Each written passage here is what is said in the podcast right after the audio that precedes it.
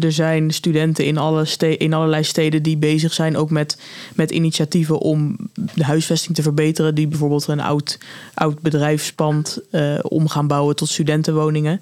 En dat is heel goed en dat, gaat, dat helpt ook een groep studenten. Maar het probleem uh, waar studenten op de woningmarkt tegenaan lopen is zo groot dat je het met die losse initiatieven niet gaat redden. Um, en ik denk dat het, dat, dat het voor de overheid soms ook makkelijk kan zijn om bij dat soort initiatieven dan te zeggen van oh, dat is heel goed dat jullie dat aan het doen zijn. En dat ze daardoor zelf dan een beetje meer achterover kunnen gaan leunen. Um, en en zo, dat, dat, zo zou het niet moeten zijn. Ik denk het is goed om die initiatieven te blijven ontwikkelen. Uh, omdat het een, een groep studenten helpt en ook kan inspireren, denk ik. Maar uiteindelijk is het de taak van de overheid om het uh, op grote schaal op te lossen. Ook omdat het een probleem is dat. dat de groep van studenten overstijgt. Het, omdat het zoveel groepen aangaat, heb je ook, is er ook een meer een integrale aanpak nodig, denk ik, die alleen de overheid uh, ja. Ja, kan uitvoeren. Nederland is rijk aan ideeën over hoe de samenleving duurzamer, inclusiever en rechtvaardig kan.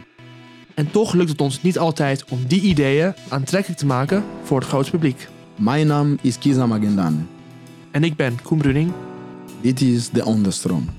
Een podcast van Progressief Café waarin wij de ideeën uit de progressieve onderstroom naar beleid en praktijk vertalen.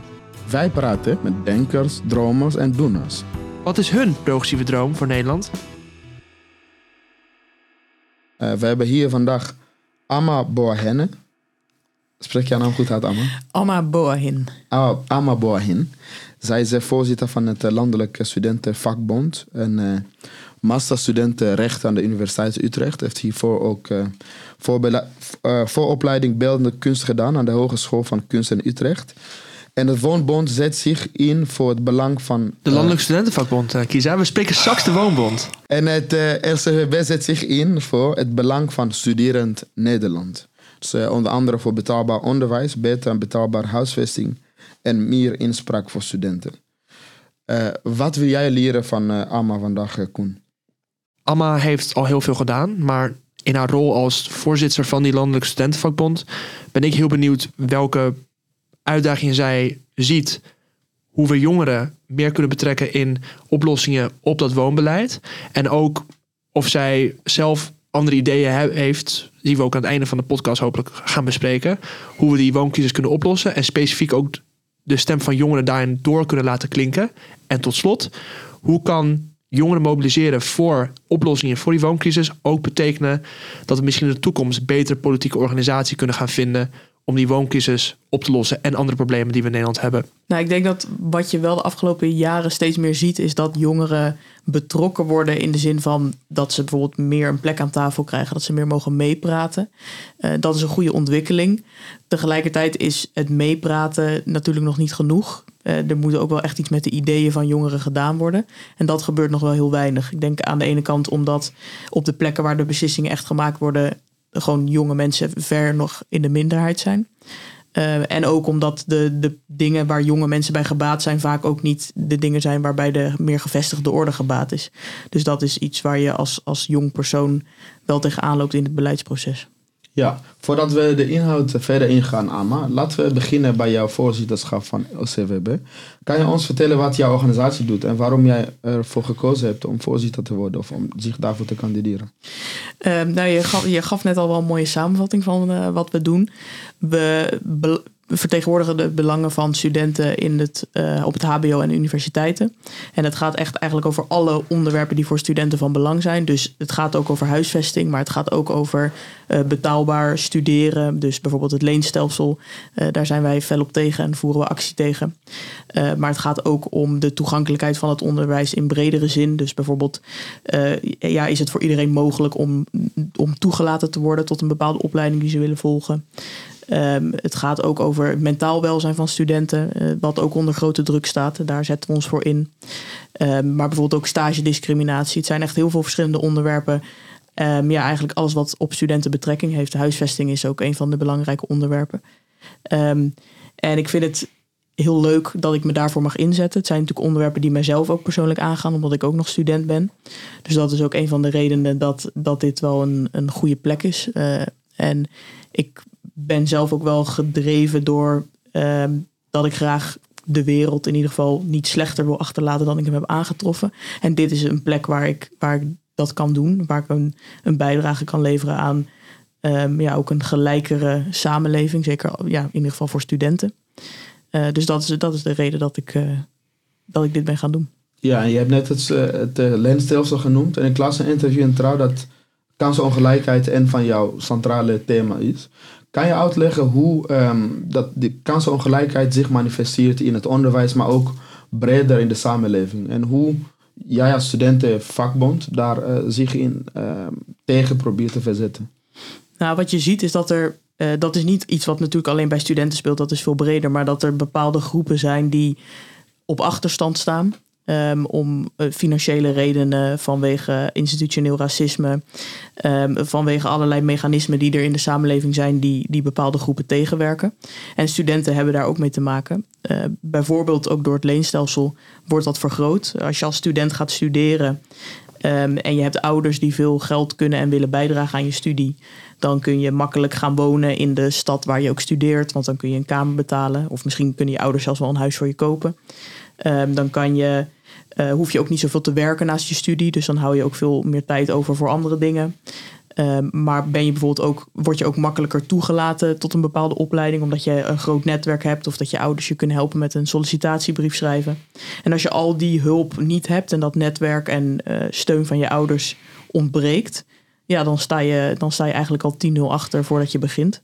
En dat, is, ja, dat, dat zie je in, in studerend Nederland ook heel duidelijk terug. En het leenstelsel is een van de dingen die dat heel erg versterkt, omdat de financiële ongelijkheid daardoor gewoon groter wordt. En, uh, ja.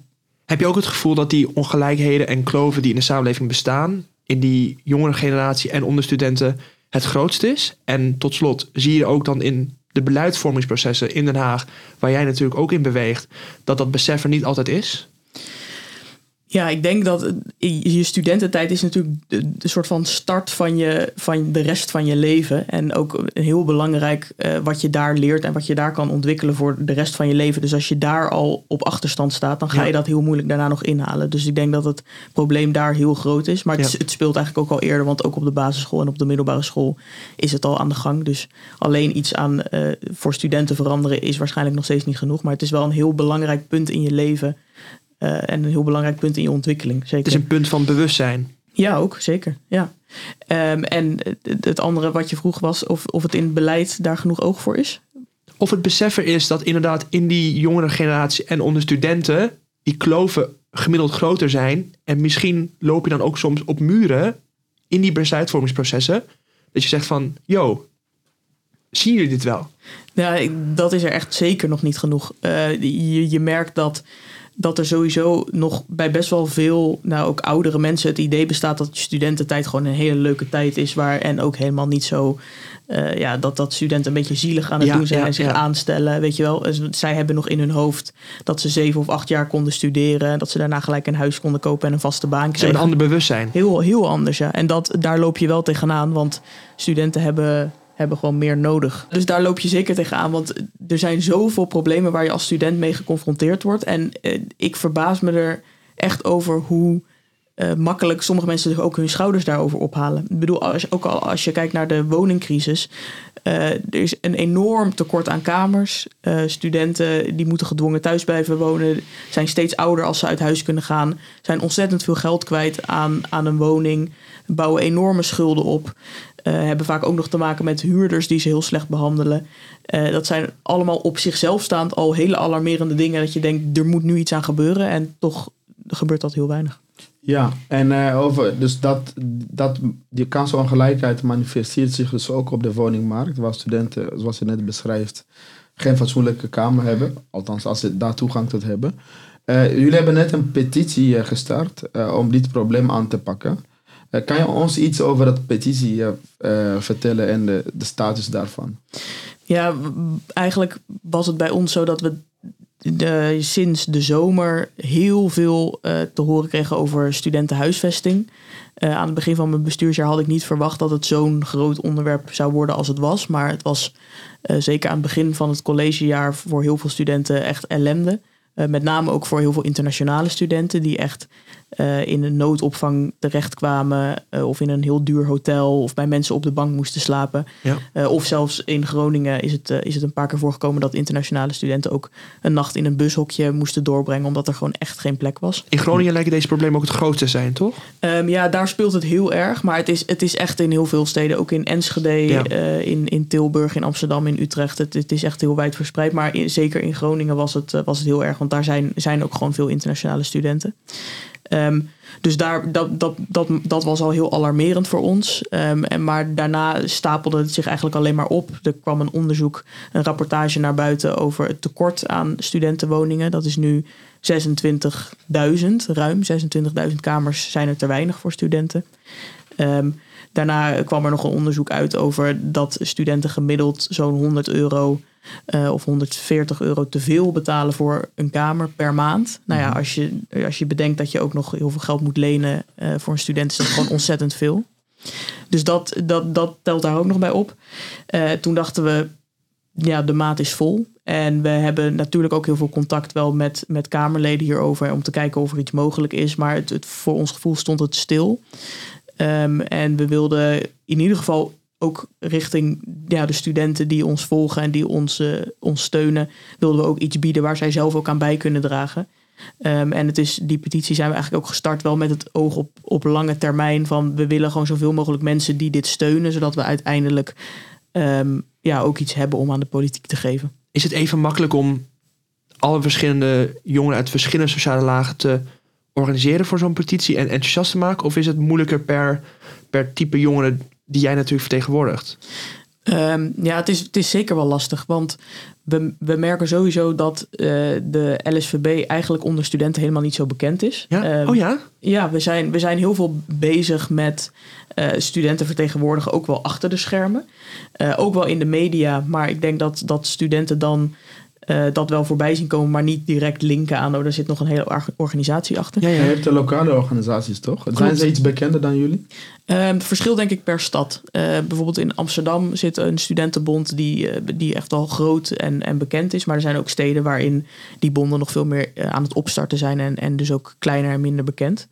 Ehm, ik moet ook zelf eerlijk zeggen dat ik twee jaar geleden de LSVB wel kende van naam. Maar verder ook geen idee had van de organisatie die, er, die erachter zit. Ehm, en uiteindelijk, dat is ook wel iets wat we willen, ja, wat we willen veranderen. Omdat de kracht, denk ik, van onze organisatie ook veel meer nog kan zitten in het mobiliseren van mensen. En als dat beter lukt, eh, dat je ook nog meer slagkracht hebt in op politiek gebied. En hopelijk kan deze petitie daaraan bijdragen om de vraag van Koen nog wat scherper te maken. Er is natuurlijk nog een groep die nog onbekender is en dat is het ISO. Het inters- interstudent. Interstedelijk Ik kan het niet eens eh, uitleggen. Dat is nog veel elitair, dus wel opvallend om te horen dat, eh, dat eh, eerst even, ik dacht dat jullie echt voor alle studenten zo'n beetje bekend zijn. Ook omdat jullie wat activisten zijn. Ja, nou, ik denk dat het, dat het inderdaad zo is dat wij best een activistische organisatie zijn. En het verschilt denk ik per student in hoeverre die student dat ook is. Eh, en in hoeverre je dan ook bijvoorbeeld de LSVB gewoon kent, omdat dat meer in jouw bubbel ook zit. Eh, maar we zijn er in principe voor alle studenten. Dus we willen ook graag de studenten bereiken die misschien niet zo heel snel zelf de straat op zouden gaan, maar die wel ook er heel veel belang bij hebben. eh, dat ze bijvoorbeeld een betaalbare kamer kunnen vinden of dat het leenstelsel wordt afgeschaft. Zag je bij het woonprotest dat er inderdaad ook andere groepen studenten eindelijk de straat opgingen om te protesteren tegen het huidige woonbeleid? Ik heb het idee dat dat wel veel meer is. Eh, ik was, ben bij het woonprotest in Amsterdam en in Rotterdam geweest. En in Amsterdam eh, waren ook heel veel jonge mensen. Ehm, en ze heb ik ook wel wat mensen gesproken die zeiden: Dit is echt de eerste keer dat ik überhaupt naar een protest ben gegaan. Maar ik vind dit wel zo belangrijk dat ik ben gekomen. Dus Ja. dat is wel eh, een verandering die je, die je ziet, denk ik. Ehm, maar vond ik wel nog dat in Amsterdam het toch nog best wel een, een, een beetje een eenzijdig publiek was. Heel veel jonge mensen ehm, en misschien ook wel veel witte mensen. Ehm, en in Rotterdam had ik het eh, gevoel dat het een diverser publiek was. Dus dat het studenten waren, jonge gezinnen waren, maar ook mensen die daar bijvoorbeeld in de Tweebosbuurt wonen. eh, dat het ouderen waren. Dat dat, dat, dat nog een, een grotere ja, een afspiegeling was eigenlijk van de mensen die door de woningcrisis geraakt worden. Ja. Dat is een interessante observatie. In hoeverre, misschien voordat wij nadenken over deze crisis, kan je ons nog de punten eh, eh, verdelen, waar want je hebt net het probleem geanalyseerd. Jullie willen onder andere minder huren, maar ook huursubsidie voor studenten die op kamers wonen. Kan je ons even meenemen in wat jullie willen bereiken eh, om die crisis aan te pakken? Ja, ik denk het, het belangrijkste overkoepelende doel is dat als je als student op kamers wil, bedoel, dat hoeft niet iedereen hoeft dat te doen, maar als je dat wil, dat het dan mogelijk is om een betaalbaar huis te vinden in de stad waar je studeert. Eh, dat is het doel. En dat kun je op verschillende manieren bereiken. En er zijn verschillende knoppen waar je aan kan draaien om dat te doen. Ehm, een heel belangrijk onderdeel is dat er gewoon meer kamers moeten komen, want de huidige voorraad is gewoon te klein. Ehm, dus dat is, dat is een, een belangrijke stap. Eh, dat kun je doen door meer te bouwen, maar bijvoorbeeld ook door bestaande ruimte beter te benutten. Eh, omdat bijvoorbeeld in heel veel gemeenten er regels zijn die verkamering van gebouwen tegengaan, waardoor je het eigenlijk niet kan opdelen in kleine kamers. Eh, als je dat soort regels weghaalt, kun je ook veel meer kamers realiseren. Dus dat, dat is eigenlijk aan de kant van er moet meer woonruimte komen. Eh, en aan de andere kant zit, het moet ook betaalbaar zijn. En dan kun je bijvoorbeeld denken aan een, een huurtoeslag, eh, waardoor het voor studenten betaalbaarder wordt. Maar je kunt ook denken aan eh, het aanpakken van huisjesmelkers die veel te veel geld vragen voor kamers. Want dat gebeurt ook heel veel. Dus dat, zijn, ja, dat zit meer aan de, de kant van de betaling. Yes, en eh, de link kunnen we natuurlijk delen in de show notes van de petitie. In hoeverre biedt de huidige crisis een kans om deze problemen die hij adresseert en de knoppen waar we aan kunnen draaien, om, merk jij het verschil, dat het momentum en al die protesten, heb je het gevoel dat er eindelijk geluisterd gaat worden naar het belang van studenten en het woonbeleid?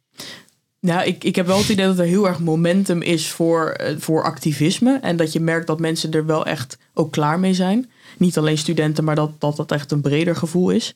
Ehm, maar of het de politiek ook gaat bereiken, daar word ik af en toe wel wat meer moedeloos van. Want ik zou zeggen, als je weet dat, eh, dat studenten honderden euro's per jaar te veel betalen aan een kamer, dan, dan is dat op zich al genoeg reden om je beleid te veranderen of om meer geld beschikbaar te stellen. En dat gebeurt nog niet.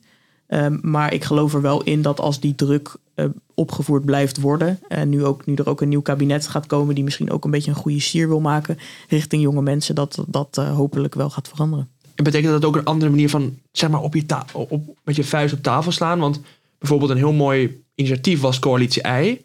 Maar het leek vrij institutioneel te zijn. Ze gingen op bezoek in het katshuis. Ze gingen in gesprek over problemen Dat die... is gewoon de ISO eh, in de studenten. Onder andere, nee, nee, maar onder andere het ISO was daar aangesloten. Net Oh, als was de ISO daar aangesloten? Ja, en de wij ook, ook. LSVB Oh, ook, ook, onder andere. En, maar nu zie je dus inderdaad met het activisme dat daar ook een ander idee aan misschien gekoppeld lijkt te zijn, waarbij mensen veel meer de straat op gaan. Klopt dat? Misschien om aan te vullen, maar dat is een goed punt. Jij maakte ook het punt over dat er momentum is dat politici heel goed zijn en mensen uitnodigen en naar luisteren. Mhm. Maar als het bij actie komt, dan verwatert het. Dus kan je daar, eh, maak je een beetje zorgen dat dit ook gaat gebeuren? Dat is eigenlijk jouw vraag ook, Koen, of niet? Klopt. Ja, dat is wel een zorg. Eh, het is denk ik, ja, bijvoorbeeld, nou, Rutte die, die, die maakt er wel een gewoonte van om mensen uit te nodigen in het torentje of op het katshuis om te praten. En dat, dat voelt als een hele eer. En het voelt ook best wel als, nou, hij luistert naar ons. Ehm, en dat is, dat is ook goed en belangrijk, denk ik, dat hij de verhalen van mensen wel hoort. Maar als er uiteindelijk niks mee gebeurt, dan, dan ben je nog, nog niks verder. En je moet er denk ik wel voor waken dat je op die manier een beetje ingepalmd wordt. En, eh, en dan niet meer dus bijvoorbeeld met je vuist op tafel slaat. Dus wat ons betreft is het, moet, je, moet je wel echt twee wegen altijd bewandelen. Je kunt, ehm, ja, je kunt meer de, de politieke route van gesprekken voeren en lobby bewandelen. En dat is ook gewoon een hele belangrijke om, om iets gedaan te krijgen. Maar je moet denk ik ook eh, het protest niet, eh, ja, daar, daar moet je niet eh, bang voor zijn. Want dat is ook gewoon heel hard nodig. Zeker als, als studenten, als jonge mensen, als je nog veel minder te zeggen hebt op politiek gebied. Ja. Dan is, dan is zo'n protest de manier. Is dat ook een tweestrijd in jou? Een wat meer persoonlijke vraag? Dat je zegt van, ik moet ook leren om wellicht die twee wegen beter te bewandelen? Ehm, nou, het is wel soms lastig omdat wij eh, aan de ene kant, zeg maar, de, e- de ene dag kan je aan tafel zitten met mensen eh, in een gesprek hebben over iets. En het andere moment sta je op straat en ben je aan het schreeuwen dat ze het niet goed doen, bij wijze van spreken. Ja, ja. Ehm, dus dat is wel soms lastig, omdat je zelf ook een, een beetje een balans wil vinden. En niet je de samen, de, soms ook goede samenwerking die je met mensen hebt, ook niet te niet wil doen door, door protesten. Ehm, maar tot nu toe is denk ik het belang van, van actie voeren gaat wel ook wel altijd boven eh, het belang van de goede samenwerking. En ik denk dat je ook op een respectvolle manier kan actie voeren en dat dat gewoon naast elkaar kan bestaan. En Zou voor jou, Koen, is dat ook een... Want jij stelt die vraag. Is het ook een, eh, is het ook een tweestrijd voor jou? Voor mij is het wel een tweestrijd natuurlijk. Want ik heb een boek mogen schrijven. Ik ben heel erg theoretisch bezig. En ik denk dat heel veel jonge mensen heel veel willen veranderen in dit land. Om het even heel, heel abstract te zeggen. Maar tegelijkertijd is het ook heel belangrijk om besef te hebben van de problemen die in de samenleving bestaan. Op de grond, om het even zo te zeggen. En dat kun je alleen ontdekken door ook daadwerkelijk met heel veel groepen in de samenleving te praten. die op dit moment niet vertegenwoordigd worden in besluitvormingsprocessen. En dat vertelt allemaal ook heel mooi. En heb je eigenlijk misschien ook wel het Ik gevoel. heb ook een vraag voor jou, Koen. Sorry, Oh, precies. Maar kan jij, kan jij nu vertellen, want dit is een interessante hè, zoektocht. Hè? Wat, is, wat zijn jouw ideeën over, over AMA, maar ook al die andere studenten die aan de ene kant een momentum hebben, al die protesten. eh, maar tegelijkertijd is de zorg altijd dat het een beetje verwatert. Wat zijn jouw ideeën daarover? Hoe moeten wij hiermee omgaan? Joh. Ja, lastig hè? Nou, ik zou enkel willen zeggen dat activisme op de straat aan de ene kant en institutionele besluitvormingsprocessen en daar vanuit jouw positie als voorzitter van LSB je invloed uitoefenen en met mensen het gesprek aangaan om hen te overtuigen van de noodzaak om dingen te veranderen en beleid voor jongeren beter uiteen eh, te stippelen. Ik denk niet dat die dingen haaks op elkaar staan, want ik denk dat politici het juist heel fijn vinden als er vanuit de straat tegen hun wordt gezegd dat er iets fout gaat en dat daarmee ook het publiek debat daarmee meer gericht wordt op hetgeen wat fout gaat, zodat die politici, aangezien die ook vaker luisteren naar de media en naar het publieke debat, daar ook makkelijker besluiten over kunnen, kunnen gaan Maar nemen. They don't care. Wat wij geleerd hebben in deze, Ja, in ja, deze ja. zoektocht, en daar wil ik ook met jou over hebben, Amma, is dat uiteindelijk, en daarom zijn we blij dat je hier bent, is dat uiteindelijk het belang van het grote geld regeert, of niet, Koen? Dat is eigenlijk wat wij geleerd hebben, dat als puntje bij paaltje komt, is het belang van de huiseigenaren, particulieren, maar ook institutionele investeerders, die het regeert. Dus daarom ben ik benieuwd. Dus aan de ene kant kan je zeggen, vast op tafel, al die dingen, de agenda eh, adresseren. Maar dat vertaalt zich niet in beleid. Eh, hoe, eh, hoe kijk jij naar de lobbywereld eh, en wie, naar wie er uiteindelijk geluisterd wordt in Den Haag? En hoe, wat kan jij doen om ervoor te zorgen dat je concurreert met die grote jongens met grote geld, zoals Bouwend Nederland en eh, Vereniging Eigen Huis, maar ook de het VVD-electoraat? Ehm, nou ja, ik denk dat het politiek gezien ook echt wel heel erg uitmaakt met welke partijen je te maken hebt, sowieso. Eh, dat merken wij ook in, in onze lobby. Dat er, eh, er, zijn, er zijn gewoon politieke partijen die qua standpunten heel dicht bij ons staan. En die het belang van studenten ehm, ja, veel meer vertegenwoordigen dan andere partijen. En die, daar merk ik ook dat, dat ze heel erg openstaan voor onze ideeën. En daar ook daadwerkelijk iets mee doen. Dus dat het verder gaat dan alleen maar luisteren. Maar dat ze ook eh, moties indienen ehm, die, waar studenten echt iets aan hebben. Dus dat gebeurt, dat gebeurt echt wel. Ehm, maar er zijn inderdaad ook, ook partijen eh, bij wie dat veel minder zo is. Jij noemt de VVD. Ik denk dat dat wel op zich wel een goed voorbeeld is van een partij die, die vaak eh, iets doet wat niet in het belang van studenten is. Ehm, dus dat, dat is wel iets waar je, waar je in moet balanceren. Eh, maar ik denk, nou, ik, denk bijvoorbeeld als er een, andere, een ander kabinet zou zitten, dat dat veel beter voor studenten zou zijn. Ja, om het nog breder te trekken waarom ik de VVD noemde, is dat in onze zoektocht komen we erachter dat er eh, mensen, dat wij te veel waarde hechten aan woningbezit en dat politiek huiverig is om daar aan te sleutelen, omdat er gewoon heel veel woningbezitters zijn die, Ja. ja. ja, die gewoon hypotheekrente eh, weet je, willen behouden, maar ook eh, eh, hypothe- toegang tot hypotheek willen. Dat heeft gewoon consequenties voor de punten waarvoor jij, jij lobbyt. Dus wat je dus ziet is dat, ehm, dat men gewoon huiverig is om de structurele verandering eh, door te voeren. Nou goed, ik moet ook even nadenken aan een menukaart, want wij werken in deze podcast aan een eh, samenstelling van een menukaart. Je hebt nu een paar punten genoemd waar we aan kunnen sleutelen. Eh, misschien is het goed als we dat menukaart voor een progressief mensbeeld even verder invullen. Wat staat daarop? Om die echte transitie te maken in de woningcrisis, zo- zodat, in het woonbeleid, zodat het belang van studenten eh, eigenlijk jouw pe- pe- petitie realiteit wordt. Ehm, Hmm. en, Hmm. bedoel, bedoel je dan eh, wat echt de concrete oplossingen zijn? Zeg Ja. maar wat er moet gebeuren? Wat om- zijn de ideeën die rondlopen met jouw collega's als je praat met andere jongeren?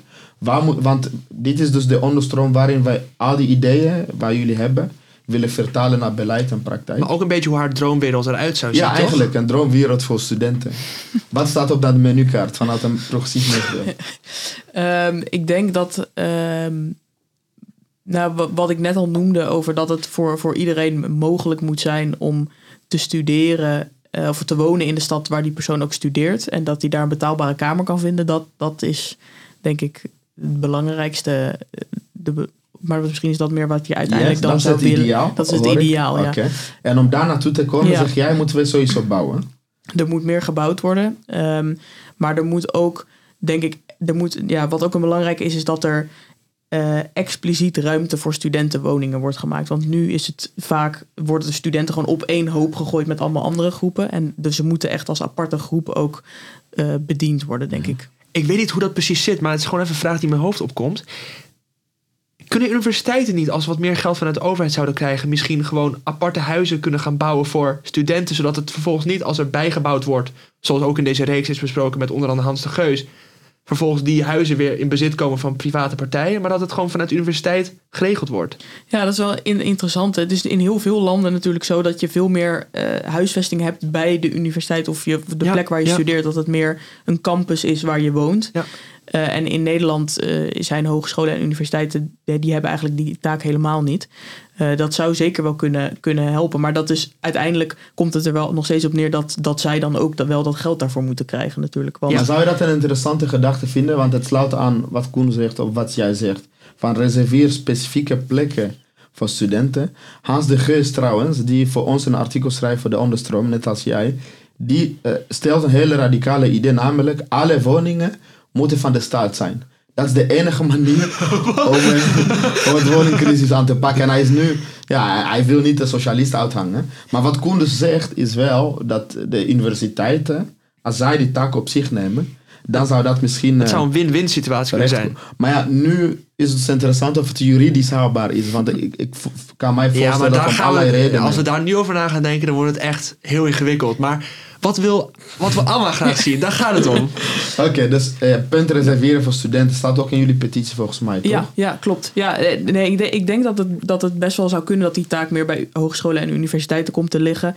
Ehm, hoewel je bijvoorbeeld ook echt studentenhuisvesters hebt, die, die gewoon hele grote studentencomplexen bouwen waar je ook betaalbaar kan wonen.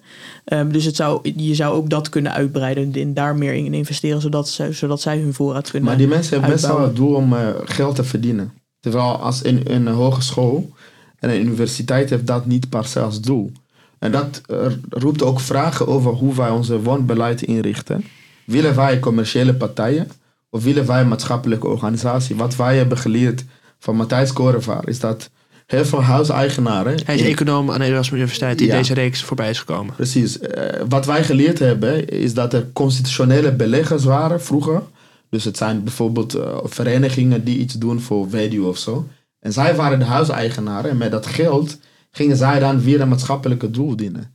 Dus eh, hoe kijk jij naar eh, particuliere huurders die, want je zegt we moeten elkaar aanpakken. Maak je niet zorgen dat hoe meer organisaties zich specialiseren in een studentenwoning, dat er eigenlijk achter de rug van studenten wordt verdiend. Ja, het, het ligt er denk ik echt aan. Je, kunt, je kunt wel een, een commerciële partij zijn en ook een, een studenten, eh, studentenwoningen realiseren tegen een eerlijke prijs. Dat is, dat is wel mogelijk als je je aan de regels houdt. En dat gebeurt heel vaak niet.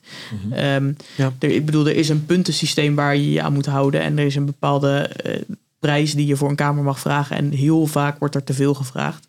Eh, of zijn de voorwaarden eh, slecht. En dat, dat is wel een heel groot probleem. En je kunt dat natuurlijk op meerdere manieren aanpakken. Ik vind het wel een, een interessant idee om het meer bij hogescholen en universiteiten te leggen. Ook omdat ik denk dat eh, als je meer mm, teruggaat naar campussen waar je als studenten samenleeft, dat, je ook, ook heel, dat dat ook heel goed is voor de gemeenschap van studenten. Ehm, ook voor sociaal contact. Ehm, eenzaamheid is een heel groot probleem onder studenten.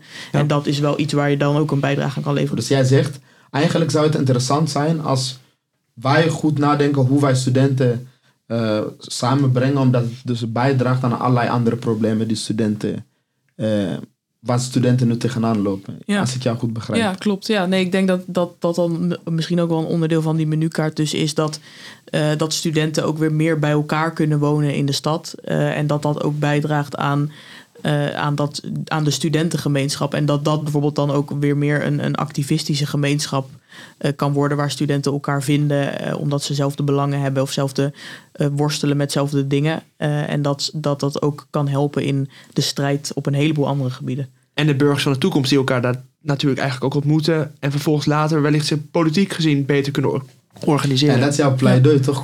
Dit, dit is jouw thema over ontmoeting. Ja, ontmoeting is belangrijk. Het is niet alleen mijn thema. Dit is een Ja. progressief thema. Maar dat toch? Het is een progressief thema. Maar het is wel belangrijk dat mensen elkaar over sociale lagen heen ontmoeten. Volgens mij. Omdat juist, en ik denk ook dat allemaal, dat, eh, dat, dat bespreekt allemaal ook een, een artikel wat er aankomt bij Vrij Nederland. Het is belangrijk om nu al jongeren elkaar te laten organiseren, dat te, te leren, zodat we dat in de toekomst ook weer kunnen doen.